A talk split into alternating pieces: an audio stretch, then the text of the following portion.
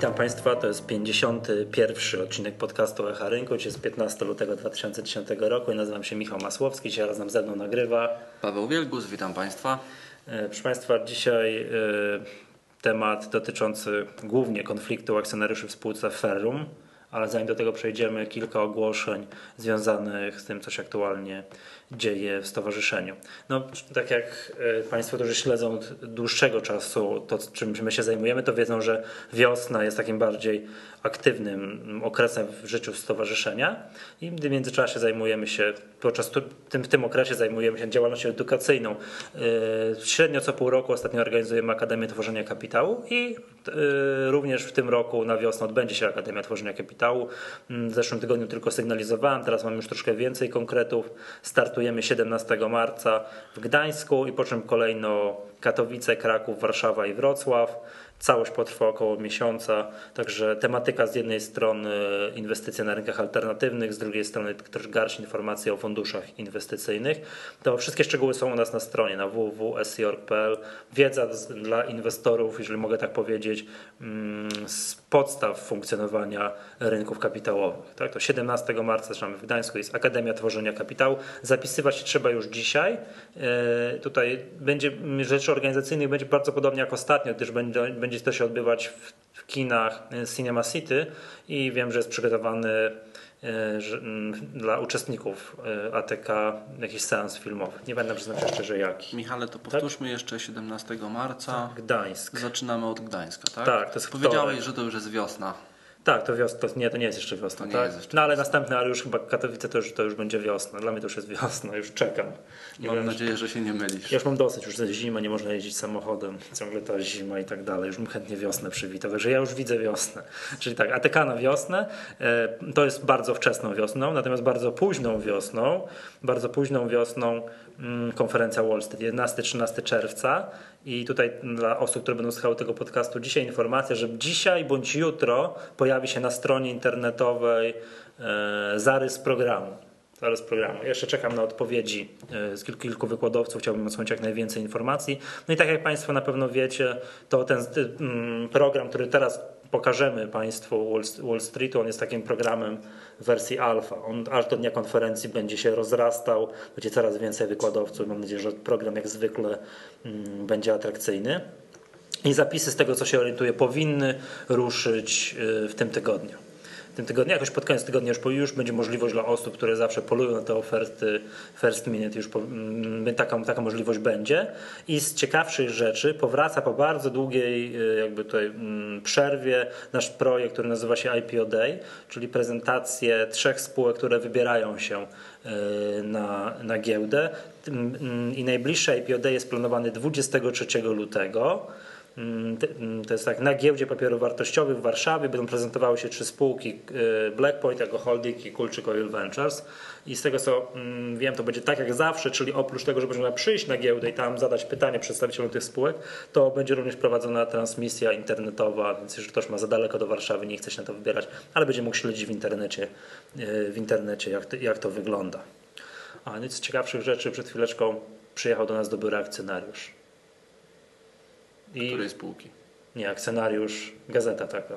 Gazeta akcja. Tak, taka gazeta, nie Pawleczko, ja wydają gazetę. Nie, y, wiem, że prenumeratorzy parkietu dzisiaj dostali akcjonariusza, więc jeżeli ktoś jest prenumeratorem parkietu, to już może tego akcjonariusza czytać. Mm, Natomiast do członków stowarzyszenia zostanie on, no będzie wysłany na pewno jakoś partiami, ale już y, najwięcej egzemplarzy zostanie wysłanych w dniu jutrzejszym. Także członkowie stowarzyszenia, jak już dostają regularnie mm, akcjonariusza za darmo, no powinni się w tym tygodniu spodziewać, y, spodziewać przesyłki. No i to ja mam tyle z rzeczy organizacyjnych. O, jeszcze mam jeden apel, ale to pod sam koniec nagrania. To przejdźmy może do jakby głównego tematu nagrania. Pawle, powiedz mi tak mi tutaj w ogóle słuchaczom w dwóch zwięzłych słowach, o co chodzi w konflikcie akcjonariuszy w spółce Ferrum. Spółka Ferrum, e, stary akcjonariusz, stary obecny od dość długiego czasu w spółce. To jest inna spółka BSK, spółka, której prezesem jest e, obecny przewodniczący Rady Nadzorczej Ferrum, więc to się można powiedzieć tak ładnie zazębia. Spółka, która kontroluje blisko 33% kapitału zakładowego, tam bez 1,1%. Pojawił się nowy akcjonariusz w życiu, że tak powiem, Ferrum. e, pan Pietrzak, e, który jest prezesem HW Pietrzak Holding. I to jest spółka, również pan Pietrzak jako indywidualnie, jako osoba prywatna, e, systematycznie zwiększają swoje zaangażowanie w spółce Ferrum. I powiem szczerze, że niewiele wskazywało na to, że to się przerodzi w jakiś konflikt. To oczywiście każdy akcjonariusz ma prawo e, skupywać akcje spółki publicznej, prawda, i zwiększać to zaangażowanie No, swoje maksymalnie. Nie widzę jeszcze nic zdrożnego w tym, Tak, co ja też jeszcze tak? absolutnie nie widzę nic drożnego. E, No i przyszedł taki moment, że mm, Pietrzak Holding zwiększył e, swoje zaangażowanie na tyle mocno, że pojawiło się tutaj, że tak powiem, ryzyko dla drugiej strony. Mm, Ryzyko mm, utraty większości w Radzie Nadzorczej, a co za tym idzie być może i sprawowania realnej kontroli nad spółką. E, No i w tym momencie mm, okazało się, że są jeszcze inni akcjonariusze, niewymienieni na, mm, w raportach bieżących spółki, również na portalach e, giełdowych, bo ich zaangażowanie jest poniżej 5%, w związku z tym nie mają mm, obowiązku, żeby się ujawniać. To są fundusze, ale między innymi to są dwie dość interesujące osoby. Czy ja sobie wyświetlę może, jak wygląda aktualnie akcjonariat firm, tak żebym ja też jakby wiedział o co chodzi. Czyli tak, to BSK e, Return SA Tak. 30, niecałe 32%. Pan Sławomir Pietrzak, ale jako on sam, tak? A nie jest, patrz, jest, jest Pietrzak jako Ja Jako powiedziałem, pierwszy, zarówno tak. indywidualnie, zarówno, jak i też w spółce, no i też w spółkach zależnych. No, generalnie chodzi o to, że mm, w momencie, kiedy te dwa poziomy, jeśli chodzi o zaangażowanie, zaczęły się do siebie w pewien sposób zbliżać, e, to e, ten poprzedni duży akcjonariusz i obecny największy, spółka BSK, e, zaczęła szukać jakichś sprzymierzeńców na rynku i znalazła takich sprzymierzeńców w osobach pana Wolnickiego i pana Jędrucha. Kojarzysz te osoby? Tak, nazwisko tego pana Biędrucha kojarzę, słyszałem. Pan Ale... Jędruch w tej chwili jest członkiem Rady Nadzorczej w Ferum. Został poparty na walnym zgromadzeniu właśnie głosami BSK. Mhm.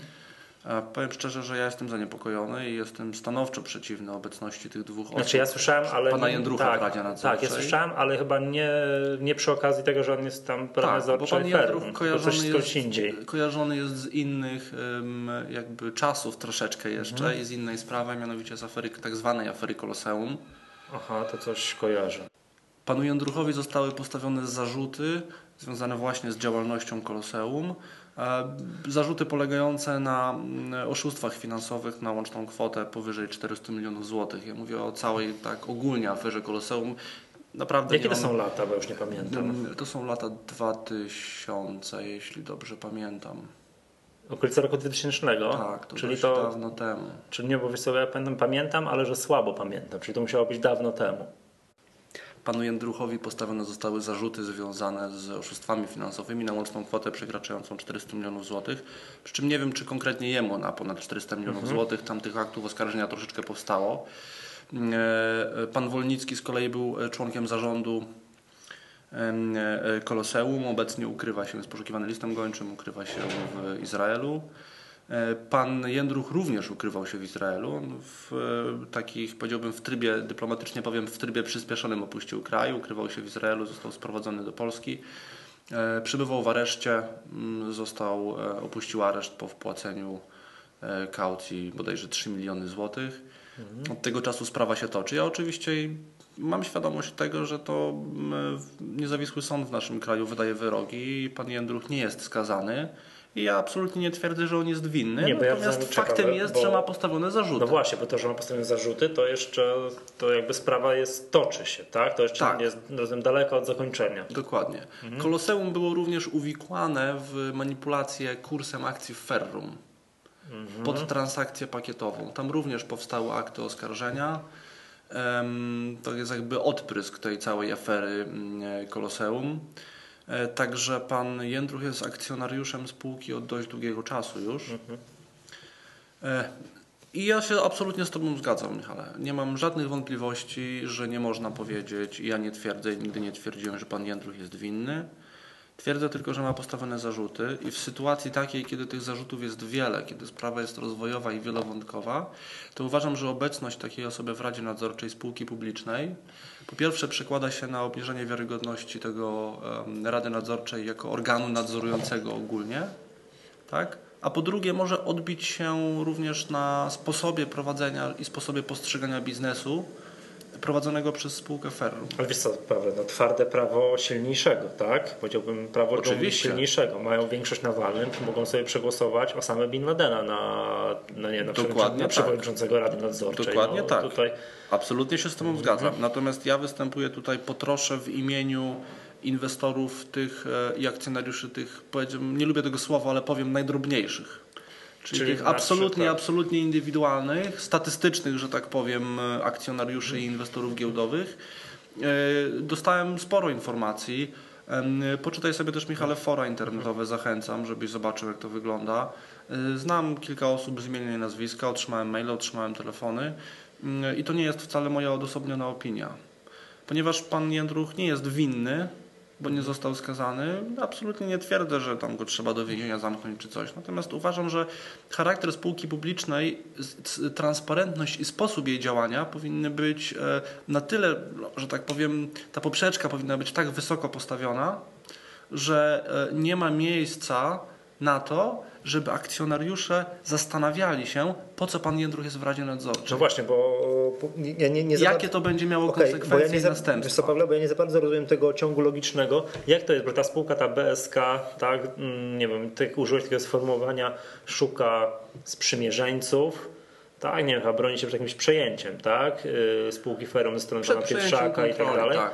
To yy, jaki jest cel powołania do Rady Nadzorczej pana Jędrucha? Pan Jędruch jest akcjonariuszem. Podejrzewam, że Tak? chodzi po prostu o zagwarantowanie sobie po- poparcia pana Jędrucha Mhm. jako akcjonariusza. A ile on ma tego Ferum? 1,7% kapitału zakładowego, ponad 2% ma pan Wolnicki, który był członkiem zarządu No w nie są wymienieni. Koloseum. Tak, więc w sumie pan Jędruch będzie prawdopodobnie ze swoich akcji jako pełnomocnik pana Wolnickiego głosował z 4% pakietu, co jest bardzo istotnym. To, a nie, 4% się dos- na, na składa, to wszystko to już jest, to zaczyna być, zaczyna być sporo. A powiedz mi tak, a to jest jakby ten konflikt jakby tych akcjonariuszy to jest, mm, to jest jeszcze jakieś, in, jakieś inna sprawa tutaj ukryta? Inny aspekt. Tak, o, tak o, oprócz jest. tam powiedzmy sobie podejrzanej, powiedzmy sobie niekoniecznie krystalicznej przeszłości wymienionych przez nas panów. Tak. Sprawa ym, sprzedaży akcji własnych, która miała ostatnio miejsce. Było kilku akcjonariuszy, znaczy były jakby dwa pakiety akcji, które wiadomo było, że są na sprzedaż. Ym, Walne zgromadzenie upoważniło Ferrum do sprzedaży akcji własnych i to był pakiet 1,5% w przybliżeniu i Bank Gospodarstwa Krajowego miał 3,5% pakiet i również było wiadomo, że jest duże prawdopodobieństwo, że są to akcje na sprzedaż. Bank Gospodarstwa Krajowego chciał swoje akcje sprzedać, z tego co nam wiadomo, zapytał obie strony, kto jest bardziej zainteresowany i Pietrzak Holding zapłacił za te akcje 17,60 przy wycenie rynkowej poniżej 15 zł. Czyli fajnie. W okolicach 14 była cena rynkowa, zapłacili 17,60, 20% więcej, nawet ponad w stosunku do ceny rynkowej. No zależało im widocznie. Na Zależało, zależało kupili. Mhm. A z punktu widzenia BGK zrobili interes. No tak. No, Prawda? Mhm, Sprzedali po 17,60 duży pakiet, który tak. A na rynku by tego w życiu nie zrobili. w życiu by tego nie zrobili. Jakby zaczęli 3,5% kapitału zakładowego sprzedawać, to by zaraz akcje były po 6 zł z powrotem. Mhm. Albo po 7. E, No i był do, że tak powiem, spieniężenia ten 1,5% pakiet, y, który był w posiadaniu Ferrum. Wiadomo, że Ferrum z akcji własnych głosować nie mogło, Mhm. więc te akcje tam po prostu były. No i akcje zostały sprzedane po 14 zł. Zgodnie z uchwałą walnego, uchwała walnego mówiła, że można akcje sprzedać po cenie nie mniejszej niż 10 zł. De facto wszystko się odbywa zgodnie z prawem, ale ja czuję pewien niesmak i daje mi to trochę do myślenia. Myślę, że to jest wymowne. Mm, Chodzi mi o to, że mm, ta druga strona, ta, którą my popieramy w tym konflikcie, czyli Pietrzak Holding, nie otrzymała ym, oferty sprzedaży tych akcji przez Ferrum. Czy oni nie mieli w ogóle możliwości zajęcia stanowiska, żeby te akcje kupić? Oni by zapłacili za te akcje sporo. Na pewno więcej niż 14 zł. Zarząd sprzedał po cenie rynkowej, czyli za 14 zł. Komu? Nie wiadomo. Nie wiadomo. Możemy się tylko domyślać, że e, nabywcą akcji jest podmiot bądź osoba, która na walnym zgromadzeniu będzie popierała jednak BSK.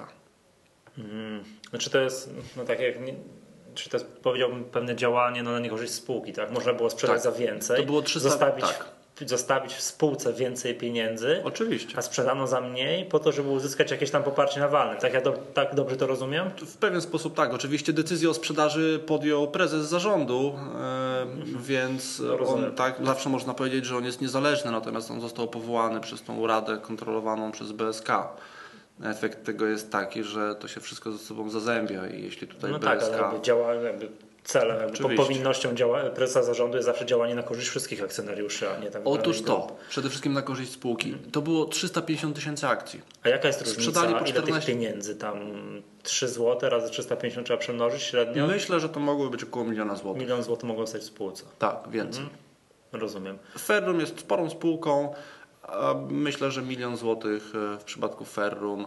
E, Kapitału, powiedzmy sobie, otwarcie takiego tak e, obrotowego. Czyli wolnej z żywa, gotówki. to jest żywa gotówka. najlepsze, co może To być, jest tak. najlepsze, co może być. Tak, a jeszcze mam takie pytanie, a jak tam śledzisz, może popatrzyłeś na jakoś, jak się tak interesujesz tą sprawą, wyniki tego ferrum? Bo ja szczerze, tak nie bardzo, to jest, oni są dochodowi, to jest, z tego co widzę, to musi być jakiś łakomy kąsek, tak w ciemno. Spółka jest e, dochodowa, spółka jest rentowna. Drugi, trzeci kwartał 2009 roku były na plusie. Więc jak patrzę na kurs, to bardzo ładnie na przestrzeni No, Kurs bardzo roku, ładny, tak? bo ktoś kupował akcje, prawda? Ktoś się bardzo mocno interesował. Jest jeszcze jedna ciekawa kwestia, mm, o której tutaj musimy powiedzieć. Pan Piotrzak zaproponował em, dość ciekawą strategię, jeśli chodzi o mm, Ferrum. E, tutaj zaproponował zacieśnienie związków, czy utworzenie związków, nawiązanie takich kontaktów z jego własną spółką i korzystanie przez Ferrum z sieci dystrybucji, którym dysponuje właśnie Pietrzak Holding. E, No, podał tutaj z jednej strony, można by powiedzieć, że dość konkretne rzeczy, jak na przykład zmniejszenie kosztów tak, em, zarządu i kosztów operacyjnych e, z ponad 4% do 3% w stosunku do przychodów e, w przyszłym roku. M, Ma to według niego wynikać z mm, elementów synergii pomiędzy właśnie Ferrum a jego spółką. M, Zaproponował też bardzo ciekawe rzeczy, jak na przykład, bardzo ciekawe rzeczy uważam dla akcjonariuszy, dlatego BSK w pewnym sensie też powinno być tym zainteresowane, jak na przykład stała polityka dywidendowa. Tych punktów jest bardzo dużo, można się z nimi zapoznać na stronie stowarzyszenia w dziale interwencji, w bieżących interwencjach. Któryś wątek od góry, chyba drugi albo trzeci, to jest właśnie sprawa dotycząca Ferrum i tam ta strategia zaproponowana przez pana Pietrzaka jest wymieniona. My się generalnie z nią utożsamiamy. Dobra, a powiedz mi tak, kiedy jest walne tej spółki? W piątek? 19 w piątek. To jest najbliższy piątek i jest, czy my jesteśmy na tym walnym Tak, jesteśmy i co my tam mamy zamiar zrobić generalnie? na tym walnym. Tak. Czy nie możemy powiedzieć? Możemy powiedzieć. A, Ja możemy. tutaj taką może krótką historię opowiem. A co teraz, W piątek, nie, nie, w pewnym sensie tak. W piątek ukazał się artykuł w gazecie giełdowej Parkiet, e, gdzie mm, e, omawiane były właśnie sytuacja w Ferrum i sytuacja na tym zbliżającym się walnym zgromadzeniu. I z tego artykułu wynika mniej więcej taki wniosek, że BSK ma miażdżącą e, tutaj przewagę i tak naprawdę nie bardzo jest po to na to walne jechać.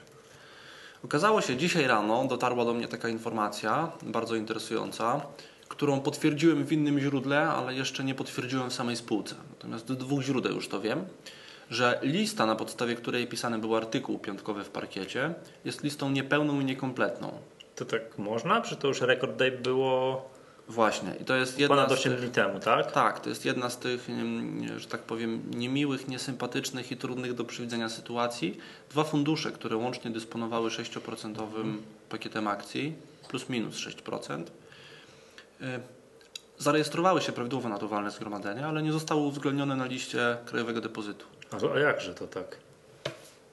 Nie wiadomo? Nie potrafię Ci na to pytanie odpowiedzieć. Teraz Państwo nie widzieli, Paweł zrobił taką minę, taką.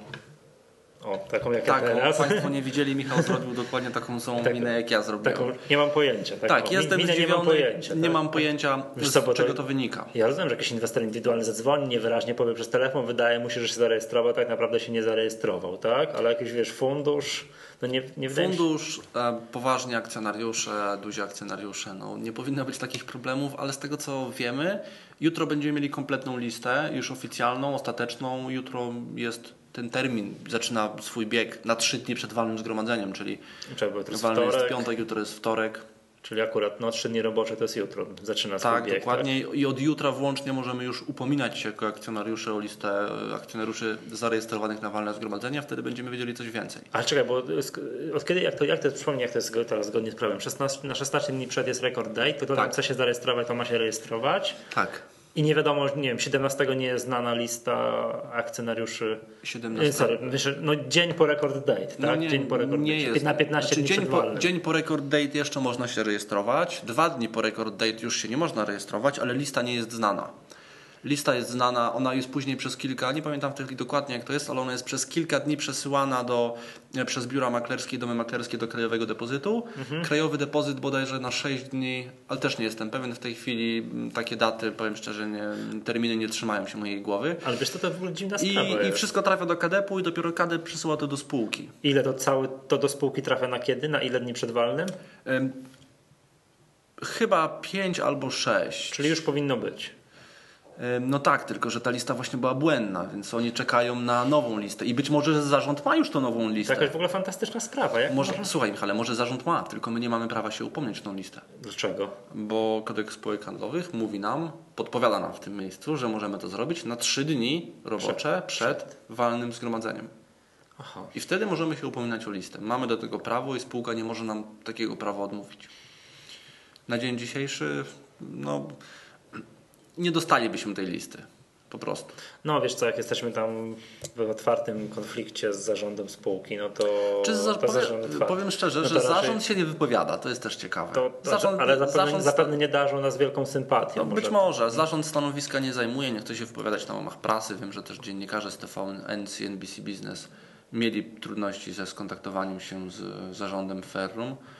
Em, no zobaczymy, jak to będzie wyglądało. W każdym razie, po co ja w ogóle mówię o tym, o tym błędzie na liście? Bo kiedy już wszyscy myśleliśmy, że nic z tego nie będzie, to po tym, po uwzględnieniu tych dwóch funduszy, okazało może się, jednak że coś z tego będzie, ostrożne szacunki, ostrożne szacunki nasze no, pokazują, że te 20-30 tysięcy akcji Może grać rolę, może tak? być tą wisienką na torciku.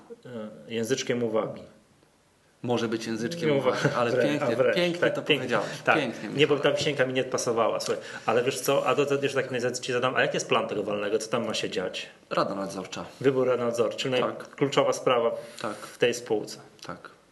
No bo kto przejmie radę nadzorczą, ten przejmie spółkę. A nie ma, nikt nie zgłosił się do głosowania grupami. Nie. Czyli to będzie miał 50,001% głosów, ten obejmie całą radę. Tak. Przy czym akcjonariuszy jest troszkę zarejestrowanych. Jest, Mhm. Są inwestorzy finansowi. Nie wiemy, jak zagłosują. Mhm. Natomiast muszą Znaczy ci się, dwa i te dwa fundusze mówimy. plus jeszcze inne. No, I oni wszyscy muszą się opowiedzieć. Mogą zrobić tak. Mogą nie przyjechać na walne, No to nie tak zajmować stanowiska w ogóle. Czyli powiększyliby siłę BSK teraz, nie przyjeżdżając na walkę. Tak, w tym De sensie tak. tak. No oczywiście my nie możemy zakładać, że oni będą głosowali tak samo jak na przykład Pietrzak Holding, czyli przeciwko panu Jędruchowi. Chociaż powiem szczerze, że instytucje finansowe, no byłbym trochę chyba zaskoczony, gdyby popierały, jawnie popierały taką kontrowersyjną osobę. Tutaj upatruję pewnie troszeczkę mm, ciekawego przebiegu tego walnego. Jestem bardzo ciekaw, jak to jest, jak to będzie. Mhm. A ty jedziesz sam osobiście na to walne? Tak z ciekawości? Tak, jadę sam osobiście, zabieram wiceprezesa Piotra Cieślaka ze sobą. Ale będzie wesoło. Czy żartuję, śmieję się, jedziemy razem. Jedziemy razem na to walne. W tej chwili czekam jeszcze na pełnomocnictwa. Mm, Mam nadzieję, że dojdą, że dotrą. Nie mogę się skontaktować e, w tej chwili z akcjonariuszami.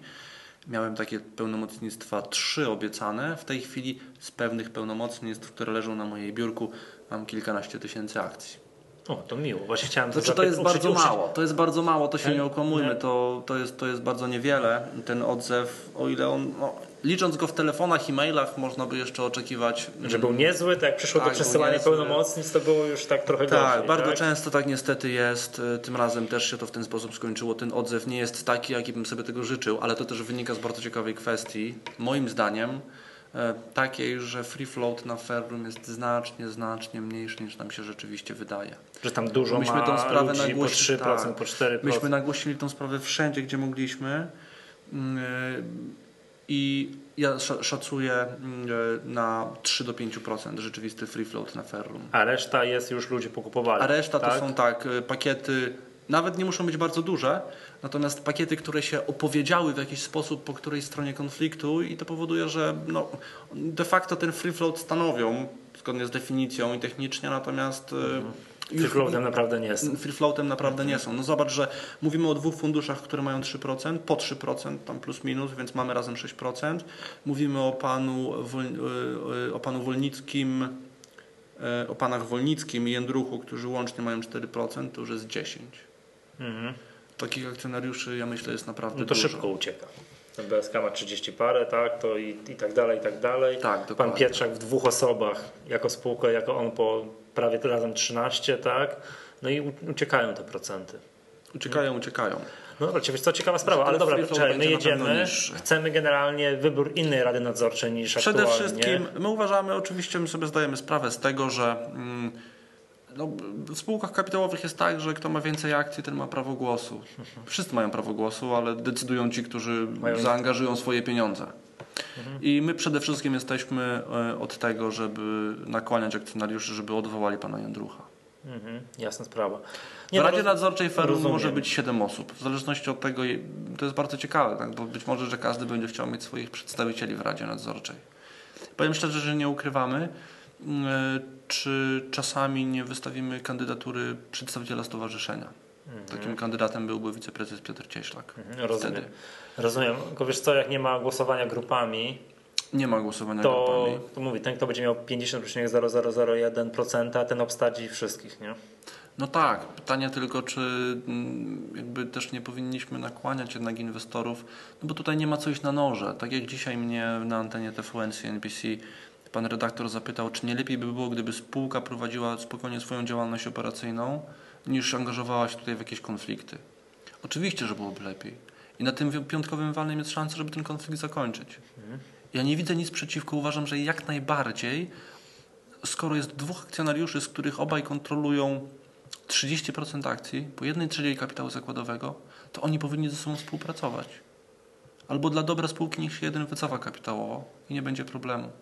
Ale jeśli obaj akcjonariusze chcą być zaangażowani w spółkę, chcą mieć możliwości kontroli działalności operacyjnej tej spółki, to powinni w takiej sytuacji ze sobą współpracować, bo nie wyobrażam sobie, i to tak samo w stosunku do Pietrzak Holding, jak i do BSK, ja sobie nie wyobrażam, żeby akcjonariusz, który ma 30%, tuż pod bądź tuż nad 30%, nie, nie miał chociażby tak swojego przedstawiciela w Radzie Nadzorczej.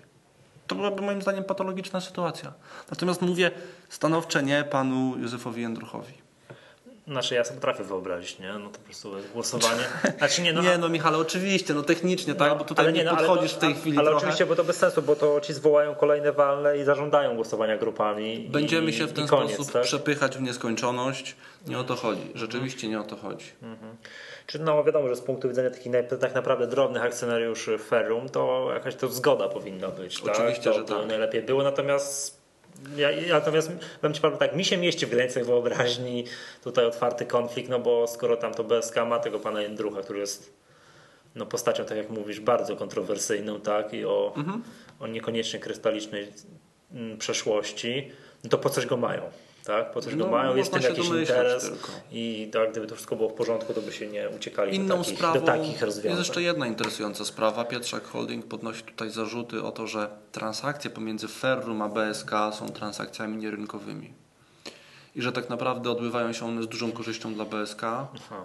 ze stratą e, dla Ferrum. Co by oznaczało, że na przykład transakcje sprzedaży przeprowadzane są Mm, po, zani, po zaniżonej... Jakieś, jakieś działalności operacyjnej teraz, tak, tak? mówię po prostu działalności sprzedażowej mhm. po prostu. Mhm. No i teraz no, my jakby zapoznaliśmy się z tymi uwagami, nie jesteśmy w stanie ich zweryfikować, nie mamy takiej możliwości. Mhm. No, bo, no bo nie mamy. Akcjonariusz powiedział, że są pewne nieprawidłowości, jeśli chodzi o działalność sprzedażową w spółce. No i my teraz co mamy do dyspozycji? Tak? Możemy apelować do akcjonariuszy na walnym zgromadzeniu, żeby pozwolili nam na merytoryczną ocenę. A, no to czekaj, bo to wyjaśniło się to, co ja cały czas próbowałem pytać, ale jakoś nie potrafiłem zapytać, po co ten konflikt, tak? Jest podejrzenie, że BSK wyprowadza Tak. kasę, po, znaczy wyprowadza, no tak, wyprowadza kasę. swoją. Takiego, żeś określone uszył, to twoje zdanie. Ja, No nie, no wyprowadza kasę, w sensie skoro czerpie korzyści finansowe, które są nie, no, nie, niezgodne z jakimiś tam, nie wiem, cenami rynkowymi, no to tak, to jest rzecz, którą trzeba koniecznie zweryfikować. to, to jest jakby pod, podstawa tego problemu. Mhm. No. Ja tutaj może od razu wyjaśnię, żeby nie było tak, że ktoś sobie pomyśli, że przychodzi pan Pietrzak do nas jako akcjonariusz spółki Ferrum, mówi nam, że druga strona oszukuje spółkę i my, że my zaraz y, zajmujemy jego stanowisko i tak dalej. Nie, nie, to nie o to chodzi. Chodzi o to, że za każdym razem, kiedy przychodzi do nas akcjonariusz i mówi, że pewna spółka prowadzi działalność no, nie do końca z korzyścią dla spółki, to my się sprawą interesujemy. I teraz szukamy sposobu, żeby tą kwestię zweryfikować.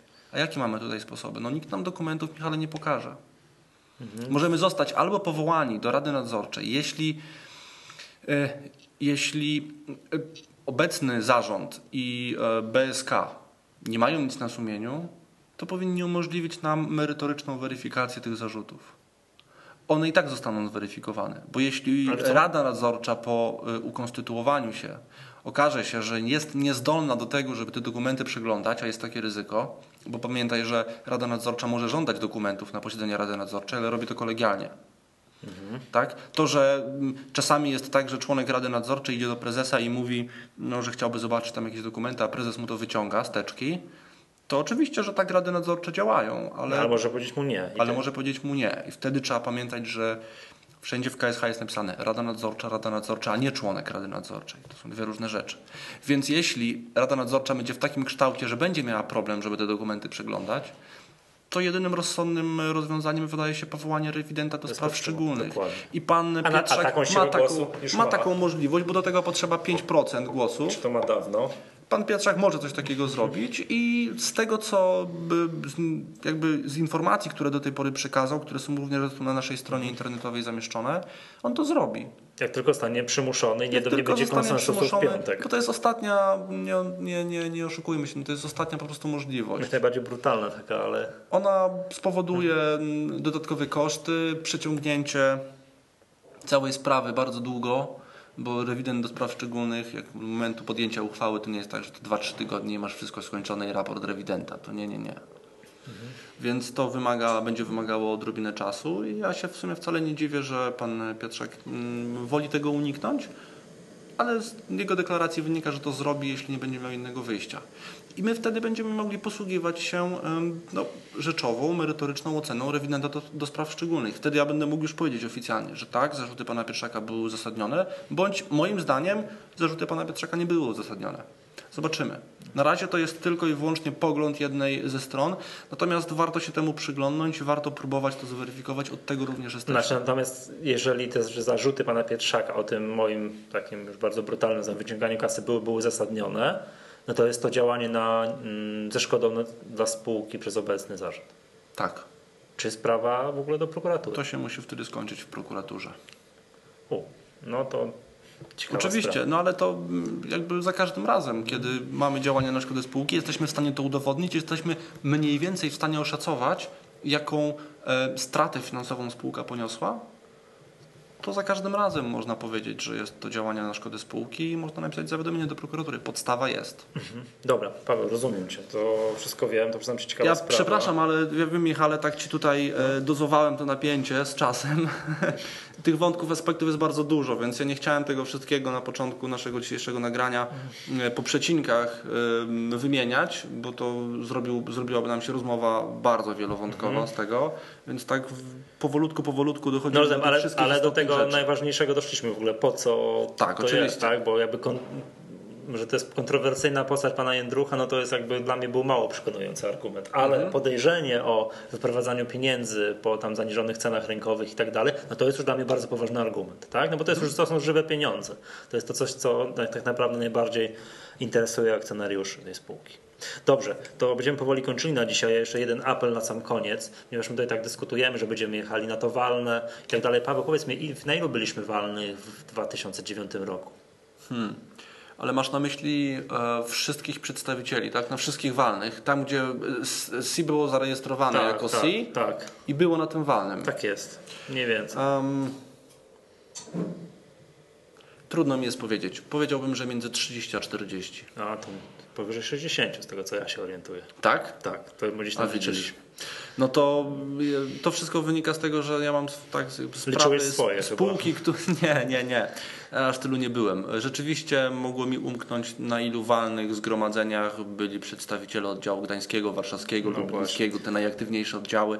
To wszystko można na naszej stronie policzyć, bo tam od pewnego czasu mamy taki zwyczaj, że mm, relacjonujemy. Jest relacja z każdego, Tak, z każdego. Mhm. wolnego. Dobra, bo ja, ja powiem Ci, dlaczego o tym mówię. Chodzi o to, o, mówię o tym dlatego, gdyż jakby to działalność w broni e, inwestorów indywidualnych, to wiadomo, wszyscy, którzy się interesują troszkę stowarzyszeniem wiedzą, to jest nasza mm, działalność statutowa. Tak. Działalność statutowa, no i tutaj mów- mówimy wprost, my potrzebujemy na to pieniędzy, tak? To, to kosztuje, tak? Nie da się pojechać za darmo na walne, zapewne, nie wiem, tutaj pozałatwiać kil, kilku spraw, to kosztuje nas dużo pieniędzy. No, No i mm, mówię o tym dlatego, gdyż zbliża się termin rozliczeń, e, deklaracji podatkowych no, na wszystkich tutaj obywateli.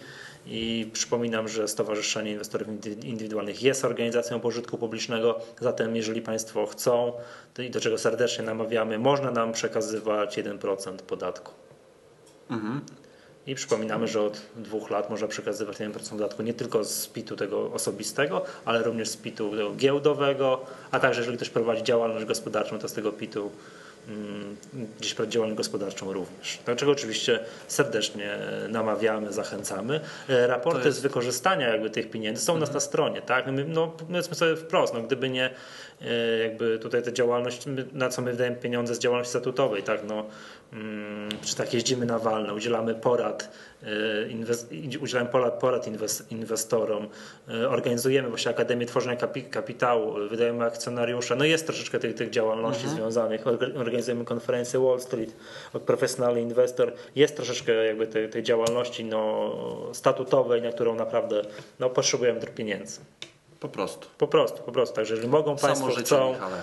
i zgadzają się z naszą działalnością, uważa, uważają Państwo, że robimy dobrą robotę, to, to zachęcamy Państwa do tego przekazania dla nas tego 1%. A jeśli się Państwo nie zgadzacie, to wtedy prosimy jak najszybsze poinformowanie nas o tym mailem. Tak, bo może coś źle robimy to No, przecież. oczywiście, otóż to. Mhm, dobra. Okej, to, b- to był 51 odcinek podcastu Echa Rynku. Ja nazywam się Michał Masłowski, dzisiaj razem ze mną nagrywał. Paweł Wielgus, bardzo dziękuję. Do usłyszenia za tydzień.